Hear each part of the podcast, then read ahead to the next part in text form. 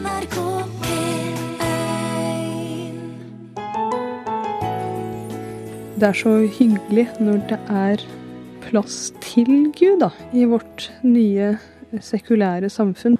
Et sted hvor eh, man kanskje er litt eh, rar, da, hvis man nevner ordet Gud. Mina beveger seg lett og uanstrengt mellom moskeen, kirka og synagogen. De er jo alle Guds hus, sier hun, som kjenner nærværet like sterkt på alle de tre stedene. altså, ved å bry deg om noen, så får du får jo bare godhet igjen. Som jeg sier, også eldreomsorgen. Jeg tror ikke du får bedre klemmer, jeg tror ikke du får større takknemlighet for små ting. I dag skal vi ut og lete etter godheten, og det skal vise seg at vi finner den mellom kaffekopper og kakefat. Ja, nå har du snart fått til det hele kaka, Erna. Nå har du snart fått i det hele kaka, du. Jeg skal spise den maten jeg har fått. Jeg skal ikke legge igjen mat. Mellom himmel og jord med Margrete Nåvik. Av og til så blir ting helt annerledes enn man hadde tenkt. Sånn var det med meg på tirsdag. Hvis du nå blir med tilbake dit, til tirsdagen altså, så sitter jeg her og venter på en gjest. Mina Adampour, som har skrevet en kronikk i Aftenposten som heter 'Konservativ muslim og stolt av det'. Det her har jeg lyst til å høre om. Men den tar altså en overraskende vending, denne praten. Jeg har akkurat fått melding om at hun er i drosjen, Mina, på vei til studio i NRK-huset i Oslo. Mens jeg sitter her eh, i Trondheim og venter på Mina, så kan jeg fortelle at eh, hun har høyt tempo, Mina. Hun er lege, har akkurat gått av vakt på Diakonhjemmet. Nå suser jeg av gårde fra debatt til debatt til intervju. Og da holder det ikke at Siv Jensen her sier at han skriver mye jeg er enig i. Da må han gå klart ut og si at det han skriver der, det er galt. Ja, hun pendler mellom Diakonhjemmet via Fredens Ring nå sist lørdag, og til oppdragene hun får som leder i Ungdom mot rasisme. Nå er hun på vei inn. Hun er vant til å få utfordrende spørsmål, særlig nå i disse tider hvor eh, vi alle, også Mina, blir rysta over det som skjer i verden i islams navn. Du må sette telefonen på flymodus. Ja, batteriet gikk. Men altså, hun er beredt til å forsvare trua si. Ja. Det skal vise seg at hun hun er ikke helt forberedt på det første spørsmålet hun får her. Mm.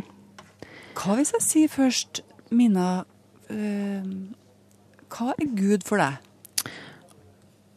Gud for meg er Men Nei, nå merker jeg at det var veldig Det var veldig annerledes spørsmål å få. Ja. Du blir ikke spurt om sånne ting i debatter, kanskje? Nei, ikke sant. Nei. Men hva blir du rørt? Hva, hva som skjer? Uh... Ja, et, ja. Um, det er vel fordi man glemmer kanskje hvor mye det betyr i hverdagen. Um, så prøver man å holde fast ved at det skal fortsette å bety noe for en, da. Men uh, man lever jo på en måte i samfunnet hvor det er litt rart. Det er ikke så god plass til Gud, kanskje? Nei, det er jo ikke det. Sist gang jeg gråt relatert til det, var vel um, da jeg begynte på Universitetet i Oslo og fant ut at det var et bønnerom der. For det er jo Det er så hyggelig når det er plass til Gud, da, i vårt nye sekulære samfunn, som på mange måter er kjempebra, men også et sted hvor eh, man kanskje er litt eh, rar, da, hvis man nevner ordet Gud. Ja. Da er det litt veldig hyggelig når det, det er noen andre som nevner det istedenfor en selv. Jeg prøver en gang til, Mina. Ja, ja. Hva, hva er Gud for deg? Gud for meg er um, altomfattende. Um, det er noe uforklarlig. Det er noe som er til stede hele tiden, men som en kun kan holde fast ved ved å tro. Og oppføre seg godt mot mennesker og naturen. Og det er jo nesten blitt vanskelig nok, det i seg selv. I disse dager. Mm. Så det er en eh, daglig kamp for å gjøre det gode og minne seg, minne seg selv på at man må jobbe med å gjøre det riktige hele tiden, og at man feiler hver eneste dag. Men eh, har Gud alltid vært i livet ditt? Ja, han har vært eh, i livet mitt i mange år. Jeg husker et av de tidligste minnene jeg har om Guds plass i mitt liv, er um, da vi skulle på skolegudstjeneste eh, i barndommen. Mm. Men så kom jeg til en lapp hvor det sto at eh, jeg hadde fått fritak, og jeg skulle ikke være med til kirken dagen etter. Og da tok jeg med den lappen hjem da, og viste den til foreldrene mine, og så tok moren min opp lappen. Hun går for øvrig med skaut i dag, og så sier hun Hvorfor skal ikke du til kirken? Og så sier jeg hei, ja, nei, jeg vet ikke, jeg lurer Ja, jeg visste jo ikke det, jeg var jo bare et barn. Og da tok hun meg i hånden, og så dro vi tilbake til skolen, og så krevde hun å få snakke med noen i ledelsen. Da fikk hun snakke med enten rektor eller inspektøren. Og så står hun der og sier at eh, mine barn er muslimer, men det betyr ikke at mine barn ikke skal til kirken. Mine barn skal til kirken. Kirken er Guds hus. Og da ble det jo sånn at vi fikk lov til å være med til kirken. Altså, kirka, er det like mye Guds hus som moskeen, liksom? Ja, i Koranen så er det det. Det står at uh, kirker og synagoger også er Guds hus, og man er pliktig til å beskytte de. Kjenner du noe forskjell i de to husene? Forskjellen er vel at uh, det er kanskje litt flere Altså det er benkerader, da, som oftest i synagoger og i kirken. Men eh, mens i moské så er det bare et teppe, egentlig. Et mykt teppe over hele Mm. gulvet, og ingen andre ting. Men når du sitter der, liksom, kjenner du noen forskjell sånn Nei, det gjør jeg ikke. Det, vi hadde jo Vi er opprinnelig Siden vi opprinnelig er fra Iran, så har ikke vi hatt en iransk moské. Det er jo veldig få som kommer fra Iran og fortsetter å være religiøse av eh, veldig forståelige grunner. Når man Mm. blir tvunget til å være eh, religiøs. Mm. Um, så da vi bodde på Grünerløkka, så var det jo bare Paulus kirke, da. Så da ble det det som var Guds hus, og det som ble brukt som Guds hus da, av foreldrene våre. Så du liksom bare beveger deg med den største naturlighet rundt i alle eh, Guds hus? Mm. Mm. Når kjenner du at du er muslim? Nei, jeg, jeg kjenner det jo Nå var det en av de andre kollegaene som inviterte til eh, middag for at man skal bli bedre kjent. Og, og da, da merket jeg at jeg og den andre som var muslim, da ingen av oss hadde sagt noen matpreferanser, og da ble det skrevet på Facebook at hvis noen har noen matpreferanser, bare si ifra om det. Og da sa vi fortsatt ingenting. Og da merker jeg det jo. Um, men det er, det er bare liksom man vil, man vil ikke prakke på liksom, liksom man, vil, man ønsker ikke å være til bry da, med, med sin religionsutøvelse. Man ønsker ikke at det skal bli vanskeligere for Harald som skal steke hamburgere til åtte individer, at han da skal steke to halalburgere i tillegg. Så hva gjør du da? Nei, da, da, da tilbyr jeg meg å heller kjøpe det halalkjøttet da fra slakteren, og så bare levere det til han før vi starter på jobb i morgen. Akkurat. Og det, det takket han eh, ja til med et smil. Hva hadde du ville gjort hvis du kom dit og ingen hadde pressa deg til å si noe? da? Hadde du, spist den burgeren? Liksom?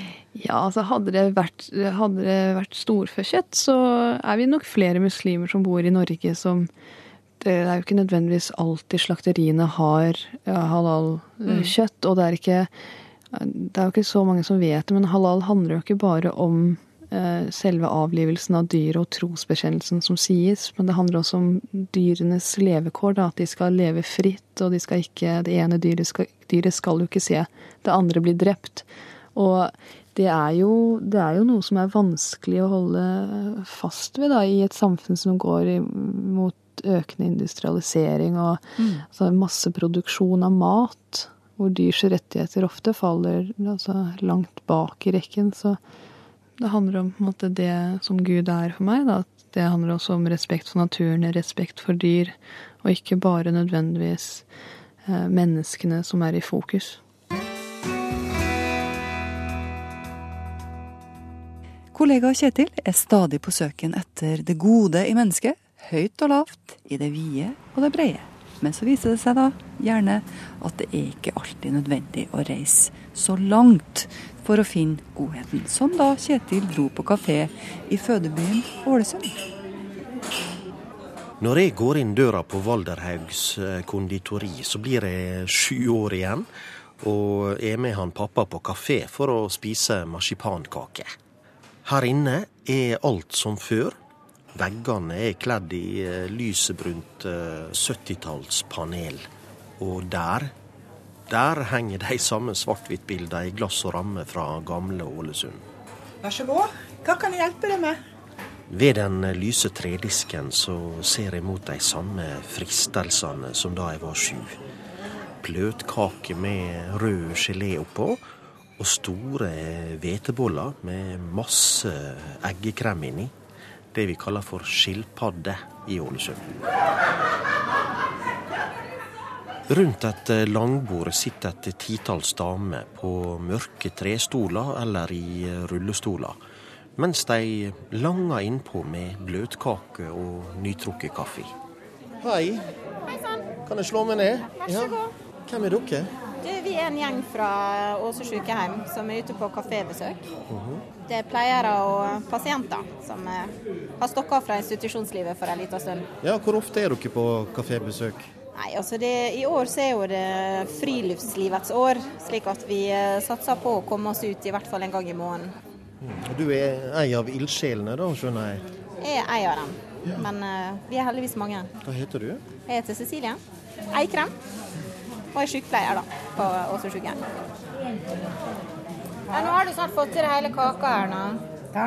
Nå har du snart fått i deg hele kaka, Ja. du. jeg skal spise den maten jeg har fått. Jeg skal ikke legge igjen mat. Og denne var god. Ja, ja kaka var god. Cecilie legger venstre armen sin rundt eh, skuldrene til eh, Erna Løseth. Ei hvithåra bestemor kledd i silkebluse og strikka genser. Her har jeg aldri sittet.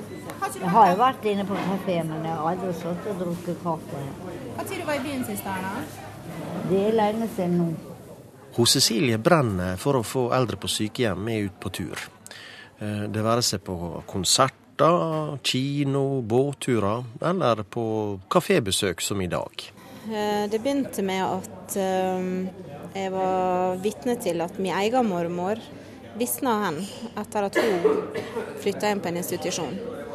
Det gjør noe med meg da, som person å se ei oppegående dame som står og danser lambada i en alder av 93 på sitt eget kjøkken, plutselig bare sitte passiv i en stol på ei stue. Ja, hva gjorde det med deg? Jeg ble jo, først og fremst ble jeg skikkelig lei meg og sint.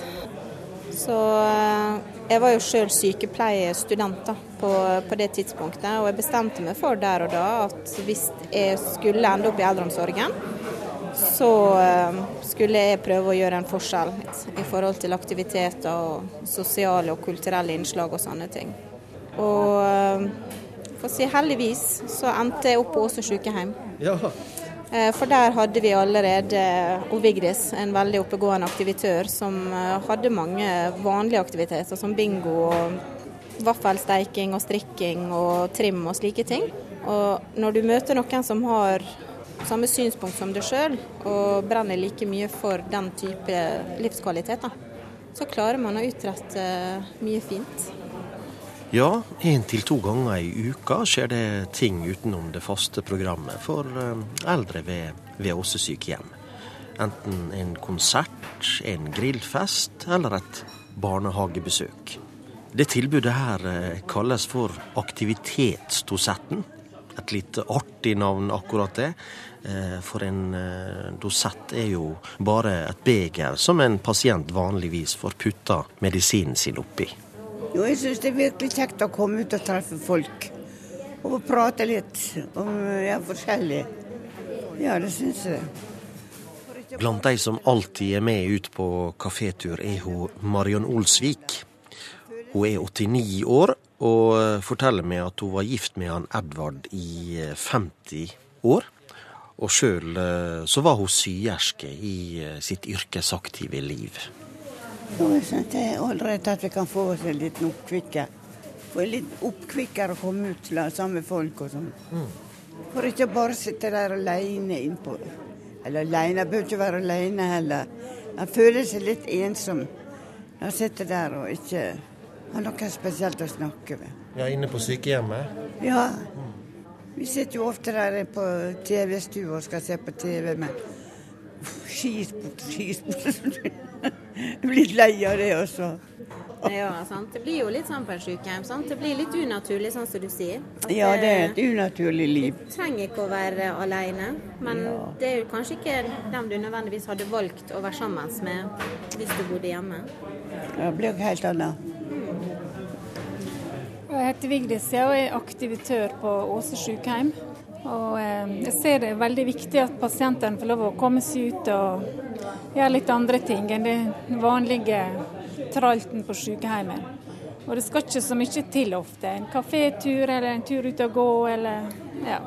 Det er ofte nok. De våkner til livs. De, eh, trivselen øker, de kommer glimt i øyet. De smiler, de ler, de prater mye mer. De eh, gir veldig gode tilbakemeldinger på at de syns at dette her er kjekt. Det er mer kos. Er ikke det litt nedtur å komme tilbake igjen på sykehjemmet etterpå da, for mange? Det kan du kanskje tro, men det virker ikke sånn. Fordi at du skaper ei ramme før, der du på en måte skaper forventning. Og så lever du på det som du har vært på etterpå. Du, altså vi skaper liksom at vi prater om det, hva har vi gjort, vi ser på bilder. Vi eh, begynner å planlegge den neste turen, f.eks. Hva dere skal, sa du? Skal inn i Geiranger med Hurtigruta. Så skal vi ha middag om bord og forskjellig. Så det blir jo svært. Det er noe annet enn vi bruker å drive med. hvor, hvor, mye det blir? Um, jeg vet ikke hva det koster. 58. 58? Ja. ja da kommer jeg med mer. Cecilie Eikrem tar uh, turen bort til disken for å betale for to ekstra kopper med kaffe. Hun uh, spanderer på oss uh, alle i dag.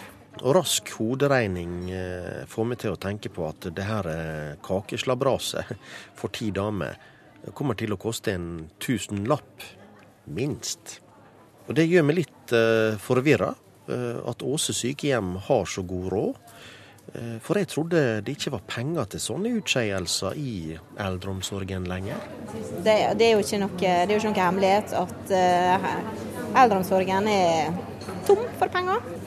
Så hvordan får du ja, det til da? Ja, Vi er kreative. Vi har heldigvis uh, blitt rimelig flinke på å skrive søknader til stiftelser og legat og fond, og til nå så har vi møtt stor velvillighet. Det er tydelig at uh, dem vi har henvendt oss til, ser nytteverdien. Uh, Hvem er det, da? F.eks. et legat som Slottet har, som heter Kronprinsesse Martas minnefond, også har vært veldig rause. Cecilie, hva gir det deg å skape aktivitetstilbud for eh, pasientene dine? Det gir meg veldig mye glede. Det å se at det nytter å bry seg, jeg tror kanskje det er en av de beste følelsene. Å vite at du har gjort en forskjell for én eller flere pasienter den dagen.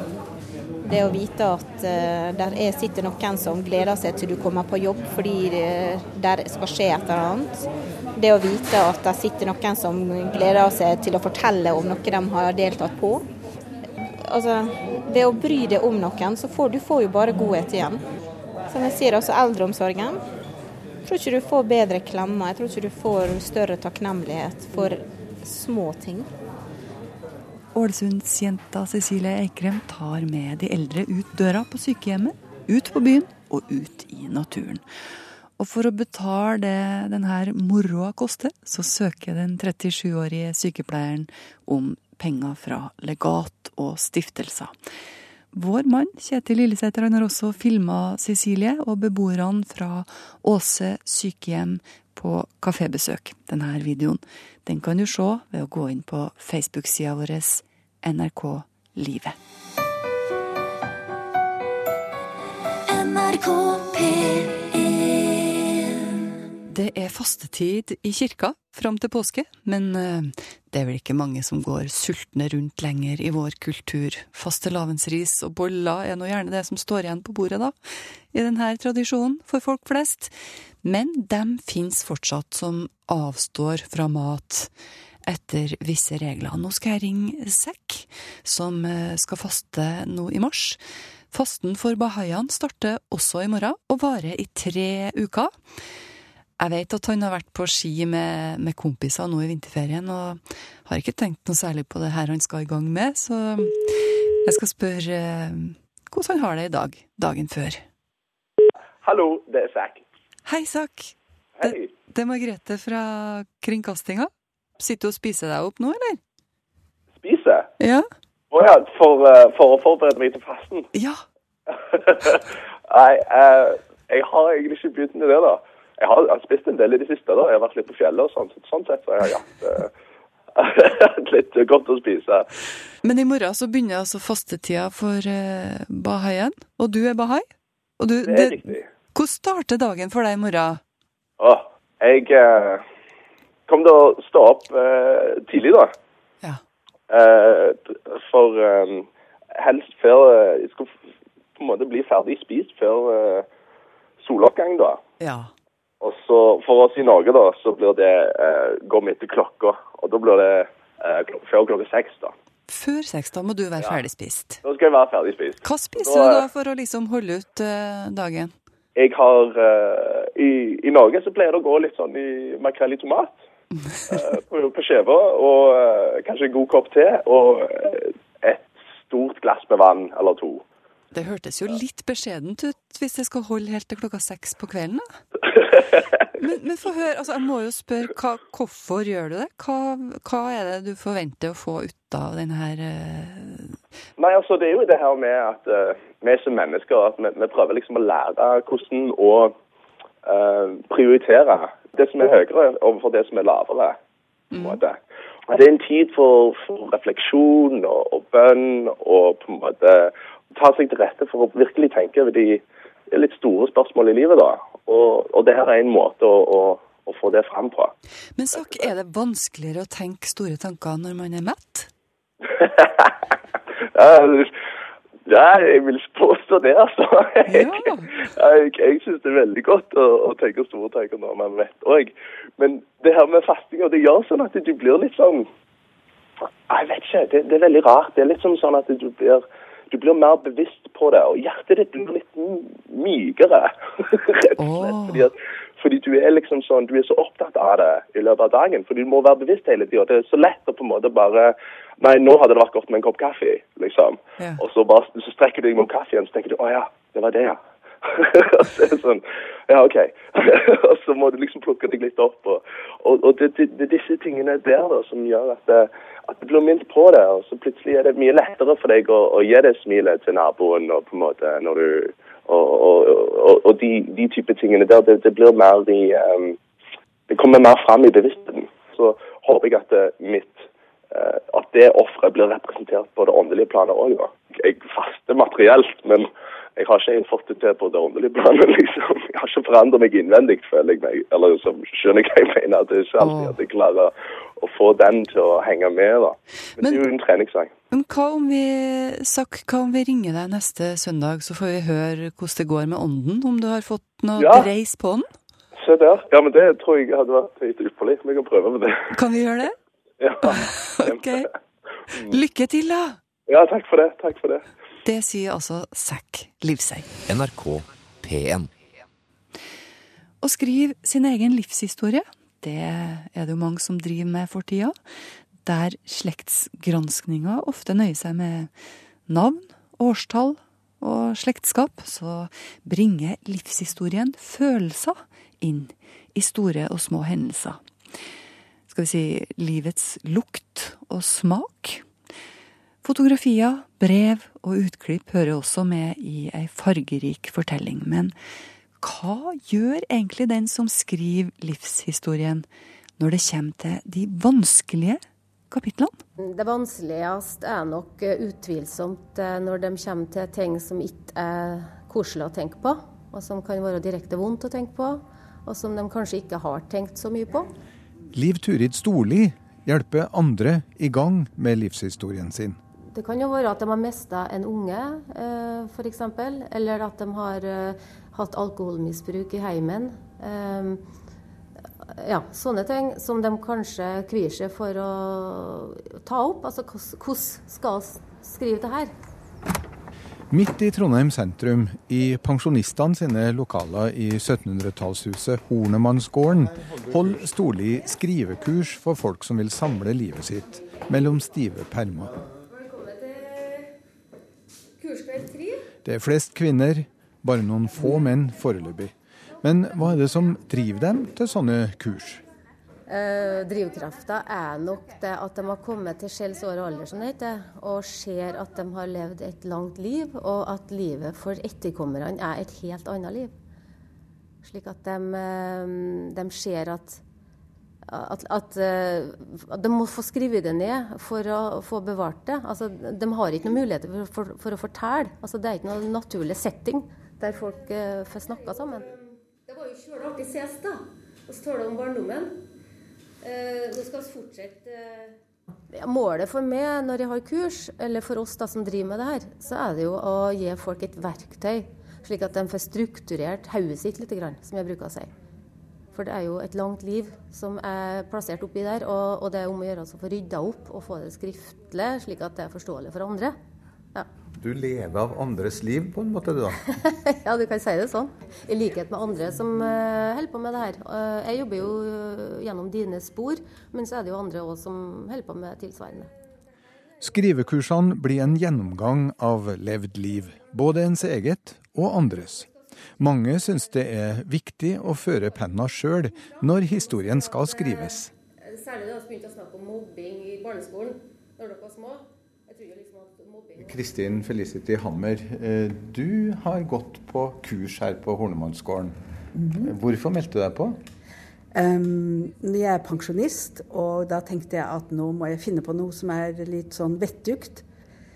Jeg skriver jo noe om det i forordet, at uh, å ha minne når jeg fremdeles har det.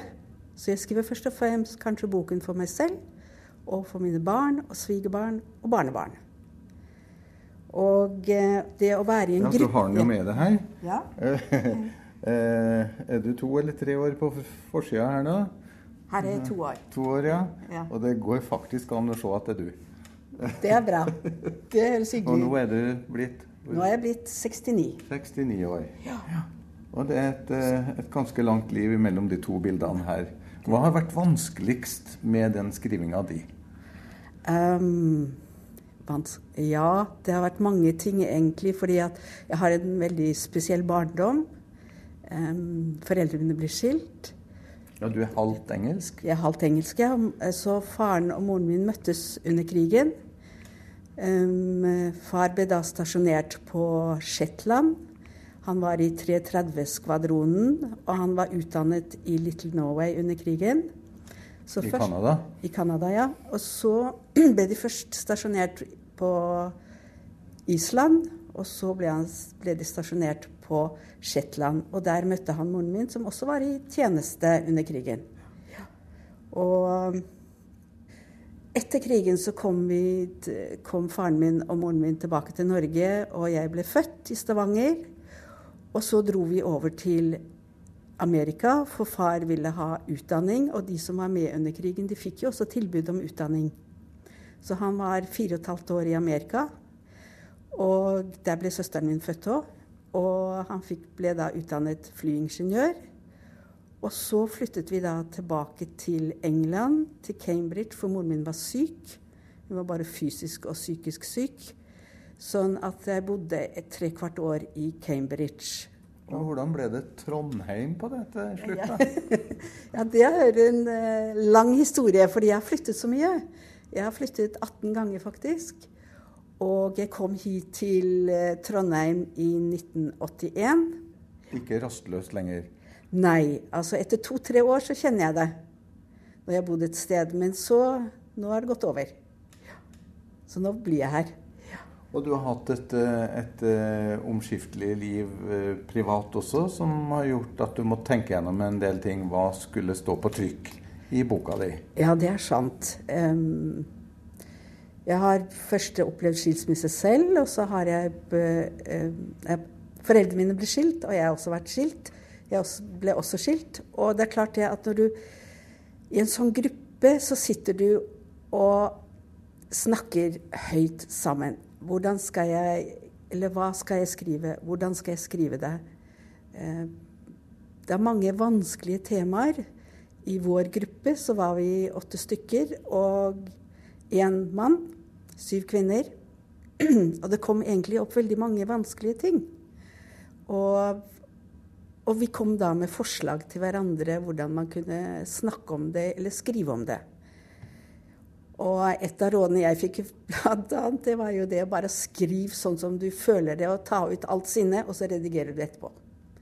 Og det tenker jeg det var ingen dum eh, eh, idé å gjøre. Og resultatet, er det sånn at eh, f.eks. din eks vil kunne kjenne seg igjen i historien? Ja, det ville han, fordi det står både navn der, og vi har jo tre barn sammen. Men jeg har fok egentlig fokusert på noe helt annet. Jeg har tenkt at uh, han kom fra, et, uh, fra Nord-Trøndelag. Og han har, kommer fra et helt annet miljø enn det jeg gjør. Så jeg har egentlig fokusert på hva er det jeg har lært av han. Hva er det jeg har fått med meg i samlivet med han. Og det er det jeg skriver om i boken. Hvordan ble den mottatt av barna deres, f.eks.? Ja. altså, Yngstedatteren min hun har nettopp vært hjemme nå fra Amerika. Og hun sa det. Ja, men mamma, jeg hadde ikke forventet noe annet enn at jeg skrev ålreit om eksmannen min. Eh, og ellers så har de på en måte Hun var mest eh, overrasket over ungdomstiden min, ikke sant? fordi jeg har også bodd i Tyskland i mange år og gått på gymnaset der. Har både real- og gymnaset fra Tyskland. Og det er klart at jeg bodde der i en periode hvor det var uh, veldig spesielle ting. Altså muren ble bygd mellom Øst- og Vest-Tyskland. Kennedy ble skutt. Cuba-krisen. Og det er klart det at det har formet meg veldig på hvordan jeg tenker internasjonal politikk. Det har det. Og så tenker jeg jo også egentlig at uh, barna er i en livsfase nå hvor de er veldig opptatt av sine barn, selvfølgelig. De har tre barn hver. Og Camilla, som bor i USA, har ett barn. Og det er klart at de er inne i en veldig sånn krevende livsfase, så kanskje de siden vil se mer det jeg har skrevet, egentlig. Det forstås så slik det står, tenker jeg. Mange vil kanskje vegre seg for å begynne på livshistorien sin. Ja. For da føles det som at man liksom står med én fot i grava. har, du, ja, sånn, har du tenkt noe på det? Nei, ikke i det hele tatt. Men jeg tenker at eh, jeg må skrive det når jeg nå husker det. Altså, for det vet man jo ikke. ikke sant? Det kan forandre seg veldig mye.